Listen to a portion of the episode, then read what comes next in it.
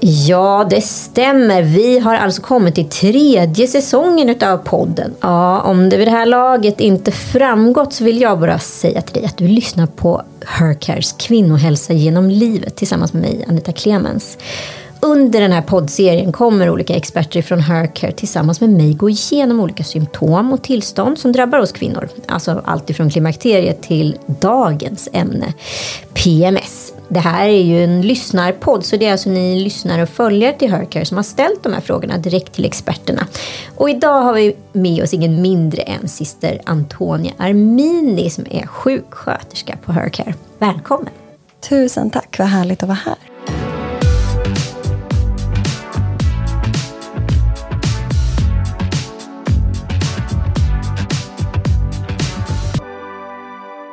Du har ju gästat podden förut, men det jag undrar är, vad, vad ser ni på Hercare som är de liksom underliggande orsakerna till PMS? Mm, det är en sån himla bra fråga att börja med Anita, att du ställer den. För den visar ju på att det kanske inte bara finns en underliggande orsak, eller hur? Och det här gör ju att vi måste se till individen. Det som hjälper dig kanske inte hjälper någon annan och så vidare. För PMS är ett utbrett problem, ett stort problem. Många kvinnor lider i onödan. Ehm, så man behöver verkligen se till, vad är min orsak? Varför, varför har jag min PMS? Precis, men vad kan det vara? Så här, stress och... Exakt, du börjar ju fatta det här. Så stress kan man väl säga är nästan det vanligaste. Och där kan man ju se att en del vittnar ju nu, till exempel efter semestrar, om att man har mycket mindre PMS. Så det kan ju en faktor som kommer in och att kan försämra och när vi tar bort stressen så kan man också bli av med PMS. Men vi ser också andra faktorer. Brist på näringsämnen eller dåligt näringsupptag i tarmen. Man kanske får i sig alla näringsämnen som vi behöver men om vi inte kan ta upp dem då kommer vi ju inte kunna använda dem för våra signalsubstanser och våra hormoner.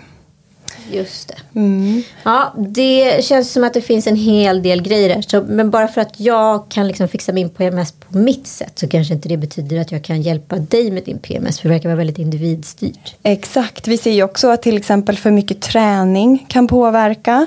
Eh, men också framförallt en obalans i signalsubstanserna. Framförallt GABA, serotonin och sen också så ser vi ju den hormonella biten, att man kanske har ett lågt eller svajigt progesteron. Och vad gör progesteronet exakt med oss? Ja, progesteronet träder ju in där mellan ägglossning fram till menstruation och det är ju ett ganska lugnande hormon. Det påverkar eh, GABA-receptorerna som och vi har GABA då? i hjärnan. Precis. GABA Eh, och liksom GABA A-receptorerna som vi har i hjärnan påverkas då av eh, progesteronet som omvandlas till allopregnanolon. Visst är det komplicerat? Otroligt! Kanske lika bra att vi sätter igång med den här podden så vi får ordning på alltihop. Vi ska ta upp det här. Ja, bra. Ja. Då sätter vi igång. Nu kör vi.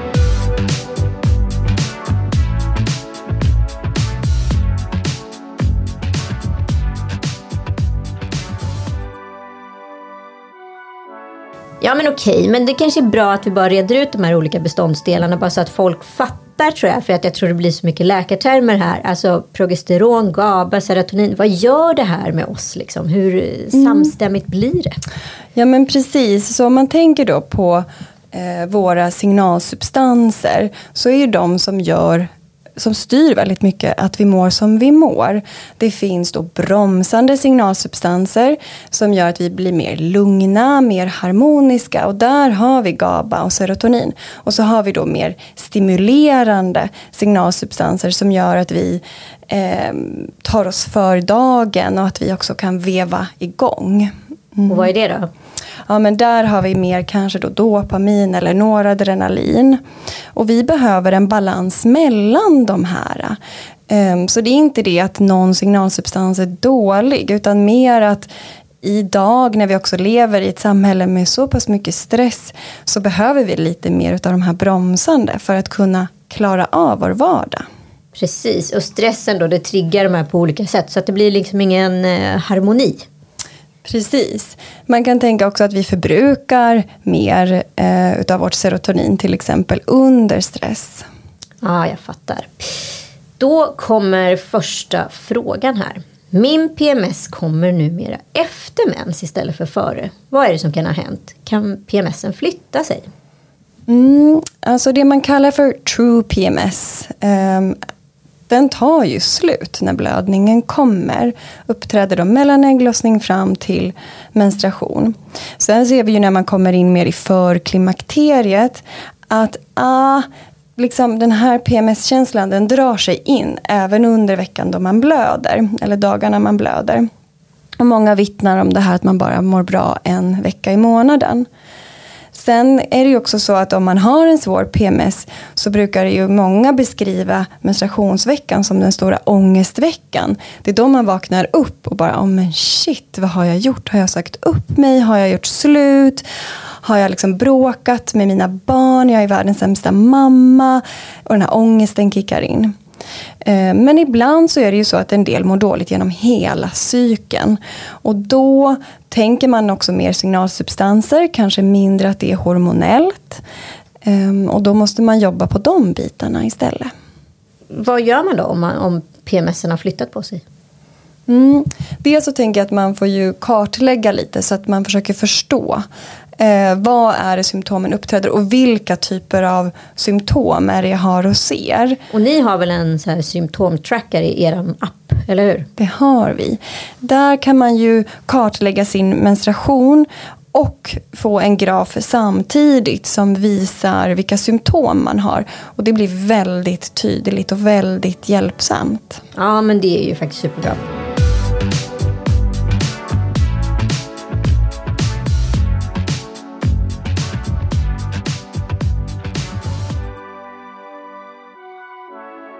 Om man har PMS och behöver hjälp, vad vänder man sig? Mm.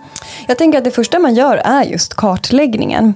Eh, för att kunna se och förstå att ah, det här är en PMS-problematik. Eh, och då kan man ju vända sig framförallt då till personer eller till ställen där man jobbar med den här problematiken. Det börjar ju komma mer och mer kunskap även ute i landet på våra vårdcentraler Eh, vi pratar om det mer och mer, ny forskning kommer. Det går dock lite långsamt. Det vi ser är ju också att det kan vara, man kan behöva mycket olika typer av hjälp. Det kan vara hormonell behandling, det kan vara med livsstilsmedicin som kost och träning. Man kan också behöva samtal. Så att vara på ett ställe där man kan jobba med alla de här pusselbitarna. Just det, och eh, jag kanske bara ska understryka att själva appen är ju liksom gratis att ladda ner så det är ingen, kommer inte med någon kostnad. Så att man kan tracka på. Exakt, och i den här appen eh, så kan man ju inte bara då logga symptomen utan man kan också läsa mer om underliggande orsaker och få konkreta förslag på vad man kan göra. Precis, men som sagt, kanske inte bara, bara för någonting funkar för din kompis så behöver det kanske inte funka för dig. Exakt, så ibland kan det ju verkligen vara nödvändigt och viktigt att träffa en vårdgivare där man går igenom och tittar på alla de här sakerna tillsammans. För att också om man har en PMS, alltså vad är en PMS? Man kanske mår jättedåligt en till två veckor varje månad. Under den perioden kan det vara jättesvårt att ta tag i den här problematiken och komma och, och sen så då mår man ju bra kanske efter sin menstruation och då är det ju många som gärna liksom som en struts stoppar huvudet i sanden. Då vill man liksom inte tänka på att man ska må dåligt i nästa cykel. Och många har det här mantrat att jag ska bara skärpa mig, nästa gång ska det bli annorlunda. Då ska jag inte skrika på folk eller eh, liksom få de här utbrotten. Eller nej men nästa månad, jag ska se till, jag ska träna, jag kommer inte vilja ligga i sängen med en filt över mig. Men jag tänker när du liksom säger de här grejerna att det här kanske påverkar folks personligheter mer än vad man tänker på. Kanske också som mottagare att så här, åh gud min chef är så himla arg eller min mm. kompis är så himla gråtmild. Att så här, hon är som gråterska liksom. Att så här, det här är egentligen hormoner som spökar som vi kanske kan få hjälp med. Exakt, och det, det är verkligen eh, dags nu, tänker jag, att ta tag i det här stora lidandet som det ändå innebär. Ja, men verkligen.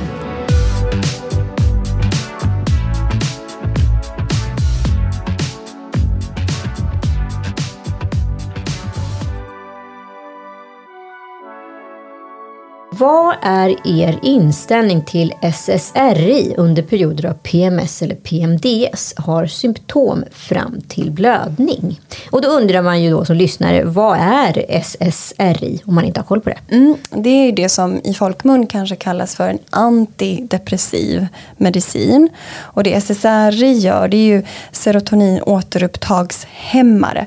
Så vi tillför inte serotonin till kroppen men vi bibehåller serotonin i synapsen, alltså i mellanrummet mellan nervcellerna. För det är där signalsubstanserna finns.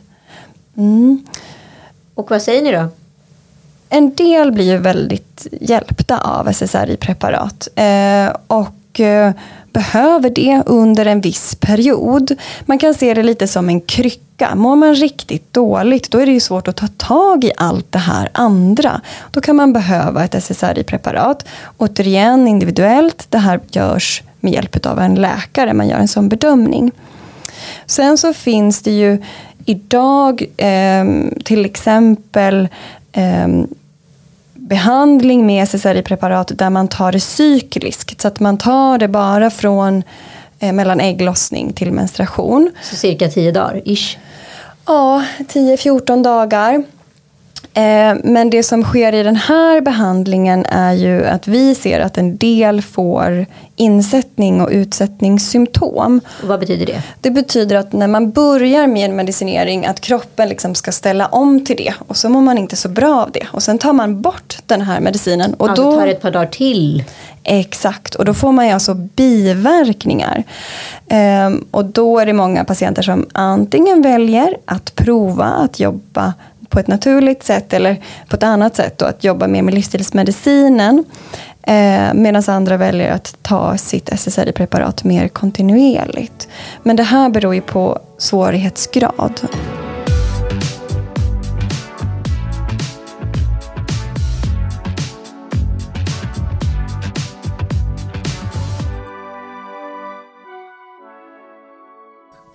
Hur mår du?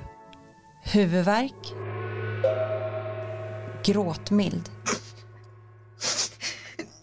Orolig? Stressad? Arg? Irriterad? Trött? Ta kontroll över dina hormoner. Ladda ner vår app idag. Vi ger dig verktygen du behöver för att ta kontroll över ditt mående. Logga dina symptom, få kunskap, insikter och råd baserat på dina symptom och din cykel direkt i vår app. Hercare, vi hjälper kvinnor att må bra. Appen Hercare är gratis att ladda ner. Finns både för iOS på App Store och Android på Google Play.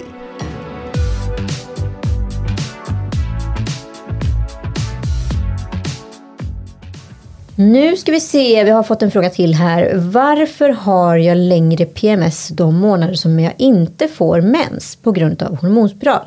Jag brukar önska att få mens på grund av detta så att PMSen inte dras ut. Mm. Då eh, måste vi då ta den här hormonspiralen i beaktan. Just det. Och det finns siffror på att ungefär 80 procent av de som har hormonspiral inte har sin ägglossning, i alla fall de första åren.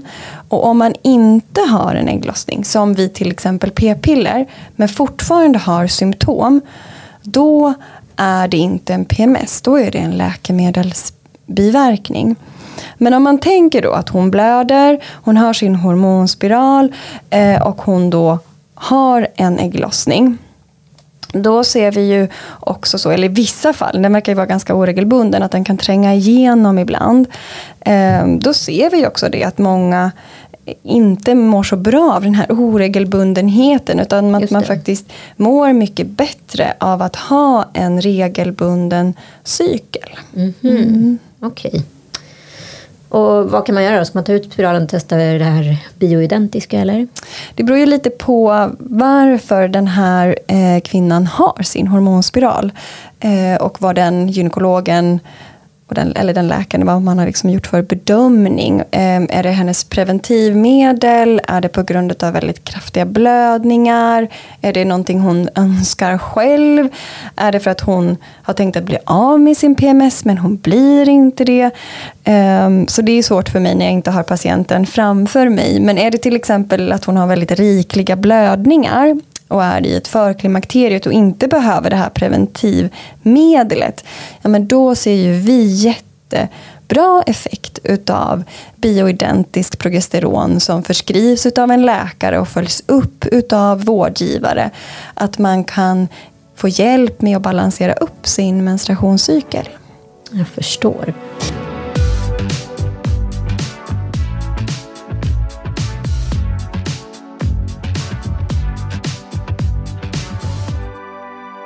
Jag har järnbrist. Hur kommer jag till rätta med den om jag har riklig mens och inte vill ha hormonspiral? Mm, men vi fortsätter på samma spår här då, i den här frågan. Och då är frågan, eh, varför har man då eh, varför har hon den här rikliga mensen? Om det är just på grund av ett förklimakterium, till exempel att mensen blir längre, kommer tätare, mm, då kan vi ju jobba med till exempel progesteronbehandling för att normalisera det. Sen är det ju viktigt att eh, åtgärda den här järnbristen. Det kan ju vara ganska svåra symptom som koncentrationssvårigheter, man kan få yrsel, man kan bli andfådd, man kan få hjärtklappning, huvudvärk och så vidare. Eh, för järn är ju ett otroligt viktigt mineralämne. Och då kan man ju tänka att eh, dels kan man behöva järntillskott under en viss period. Och vi på Hercare, om vi upptäcker det så sätter vi ju alltid in ehm, ett, eh, ett tillskott och så kollar vi upp det igen efter fyra till sex veckor. Vi vill se att kroppen liksom kickar igång det här systemet. Ehm, och sen får man ju också tänka kanske lite så här blood out, blood in. Så blöder man väldigt mycket så är, har vi ju en ganska självklar adress, alltså en tydlig orsak till varför vi har en järnbrist. Kan man kanske öka järninnehållet i kosten under den tiden som man blöder. Att försöka tänka på, på det här ur det här helhetsperspektivet. Åtgärda blödning. Men också se till att få i sig tillräckligt med järn. Precis. Men ska man ha PMS? Är det något man ska ha? Nej, vi tycker inte på Hercare att man ska ha PMS. Vi ser inte att det är en del av att vara kvinna eller en del av att ha ett cykliskt liv. Det är oerhört vanligt. Men för den sakens skull betyder inte det att det är någonting du ska ha. Nej men okej, okay. men så den här obalansen då? Då är det alltså liksom fel i själva signalsubstans eh, liksom, symfonin, eller? Ja, men om vi ser då till de här två olika, om man ser att antingen så handlar det om en obalans i signalsubstanserna eller mer då en obalans, en hormonell obalans där man har en, en eh, dominans kanske utav östrogen i relation till progesteron eller att progesteronet är svajigt. Um, så tänker vi, eller vi ser ju dels att det här har väldigt mycket med den tiden vi lever i, uh, med kanske lite orimliga krav ifrån samhället. Vi ser också att det är svårt att hinna med och få till allt det här vi behöver för att upprätthålla hormonell balans och för att upprätthålla bra adekvata nivåer utav eh, serotonin och GABA. Ja, men jag förstår. Men det är rätt många som tror jag går runt och tänker att man ska ha PMS. Att det liksom är någon, precis som en ägglossning, att det är något man ska ha i checken på månaden. Exakt, och det har nog blivit väldigt så normaliserat och alla de här kommentarerna som har du PMS eller, eller man liksom börjar ställa om hela livet på grund av PMSen. Och absolut att när man lär känna sin cykel och vet om att den här veckan, ja men då är jag irriterad, sur, trött. Eh, då bokar jag inte in mina viktigaste arbetsmöten om jag har möjlighet till det. Eller den här veckan kanske jag flaggar till min partner eller närstående att okej, okay, jag pallar inte dagislämning och hämtning och fotbollsträning. Så att, att man kanske kan få hjälp och stöd i sin omgivning. Men om det är så pass mycket att man liksom behöver lägga om allt och allting handlar om att parera den här PMSen och sen kanske också parera den här ångesten som kommer som ett brev på lådan efter den här perioden, eh, nej men då måste man ju verkligen söka och få hjälp.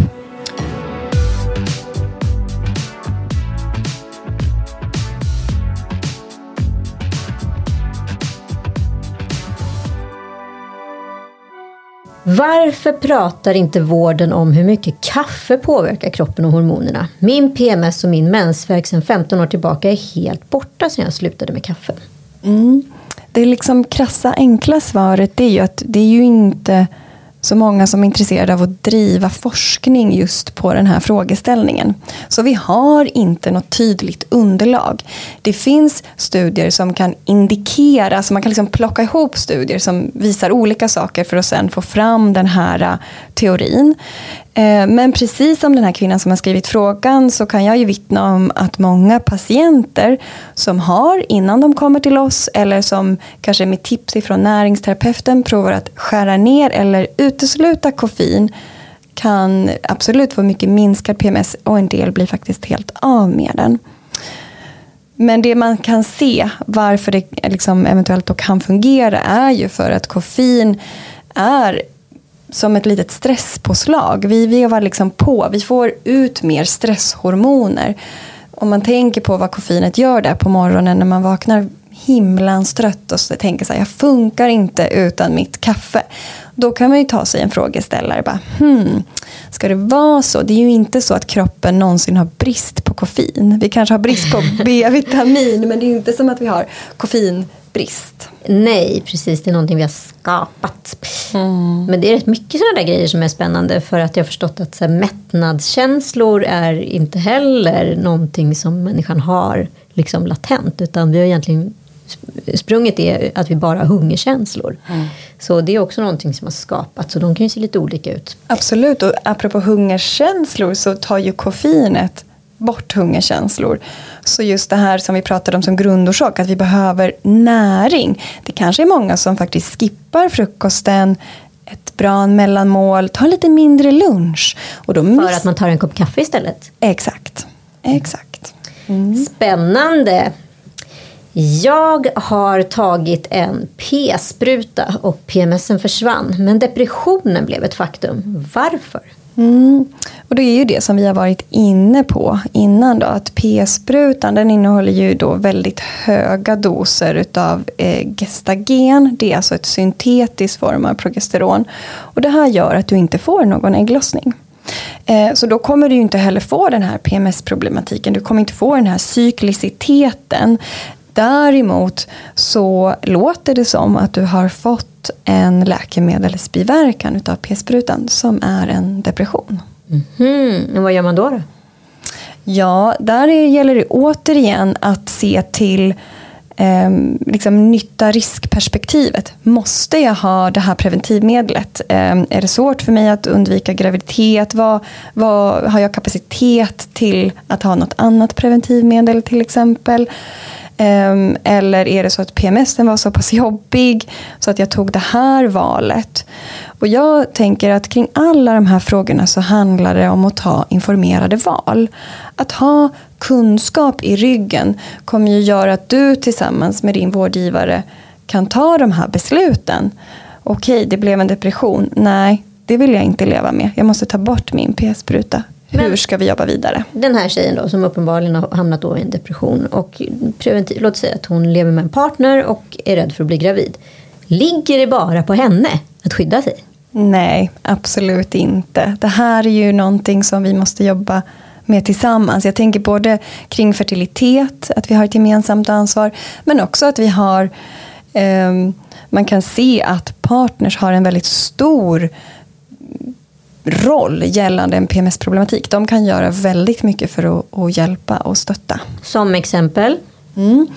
Eh, till exempel ibland så har jag faktiskt med mig eh, partners som kommer på de hormonella rådgivningarna. För de har stenkoll. De har stenkoll på symptomen, på menstruationen, på det här förloppet jobbet, ja, ah, men då, då hände faktiskt det här och så kan de korrigera och hjälpa och stötta. Så det är en bit. Eh, just för att det är den här, det är så svår problematik eftersom att den kommer och går. För du kanske är liksom helt, känner igen dig själv, har massa energi under då en viss del av din cykel. Och att då ta för sig att nu ska jag söka hjälp, nu ska vi ta hand om det här. Det kan bli väldigt tufft och då behöver man någon med sig. Någon som håller i handen och framförallt under den här tiden och perioden då det är väldigt jobbigt att ha någon som inte skammar, som inte ger skuld, som inte säger har du PMS eller, eller skärp dig bara nu, utan faktiskt någon som stöttar. Och då kanske det är sådär, ja okej okay, nu ska vi testa det här med näringstät mat, vi ska minska koffeinet, vi gör det tillsammans. Mycket bra råd där.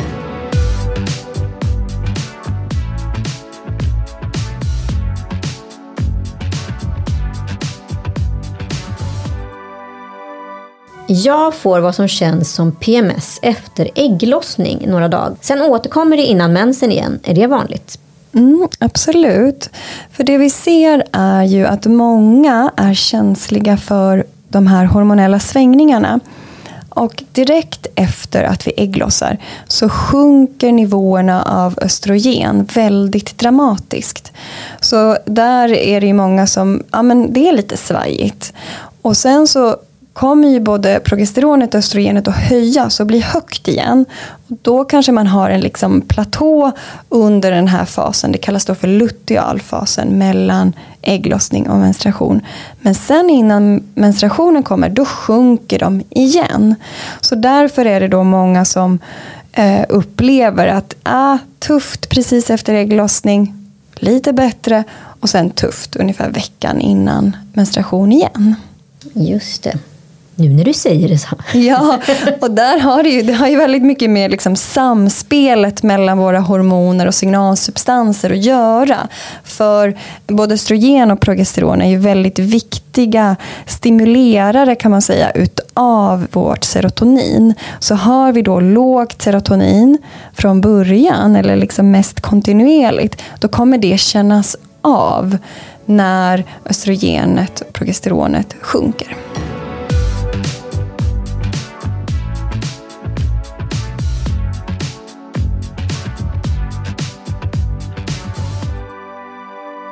Jag har huvudvärk några dagar innan mens varje månad. Är det PMS?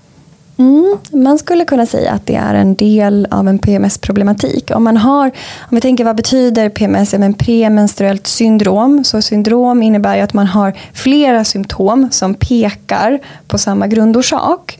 Och har du fler andra symptom också, ja men då kan man säga att det är en PMS. Annars kanske man kan prata om det som en eh, hormonell eller cyklisk huvudvärk. Och vi ser Gud, spännande del, att cyklisk huvudvärk. Eller hur? Mm. Det, är spännande, det är spännande att vara kvinna. Om ja. man liksom, vi får vända på det, vi måste göra det till någonting positivt. Mm. Men gällande huvudvärken så ser vi ju att serotoninet är jätteviktigt. Vi får jättebra effekt av att hjälpa kvinnor att höja sina serotoninnivåer eh, på just huvudvärksproblematik. Och hur kan man höja det då? Mm, är, det, in, är det liksom eh, hälsokost eller mat? Eller? Ja, egentligen det är ju ingen rocket science utan det handlar just om det här med tarmen väldigt mycket. Vi ska producera 80-90% utav vårt serotonin i tarmen.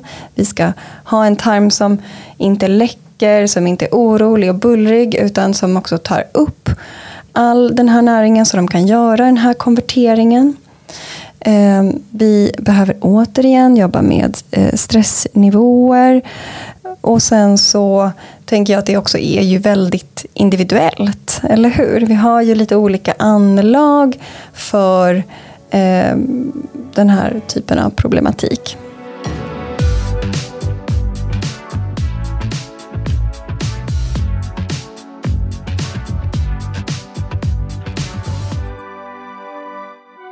Min vän slutade ha PMS när hon fick progesteronkräm. Men den har inte funkat för mig. Varför då?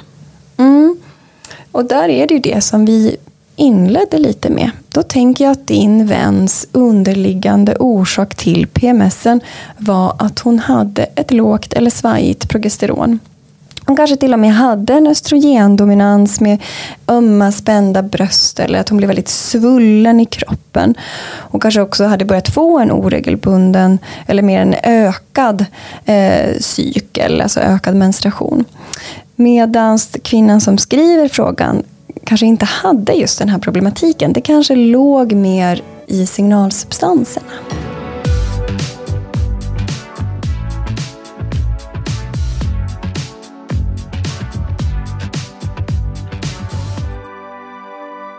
Eh, nu kommer vi faktiskt till eh, programmets sista fråga här.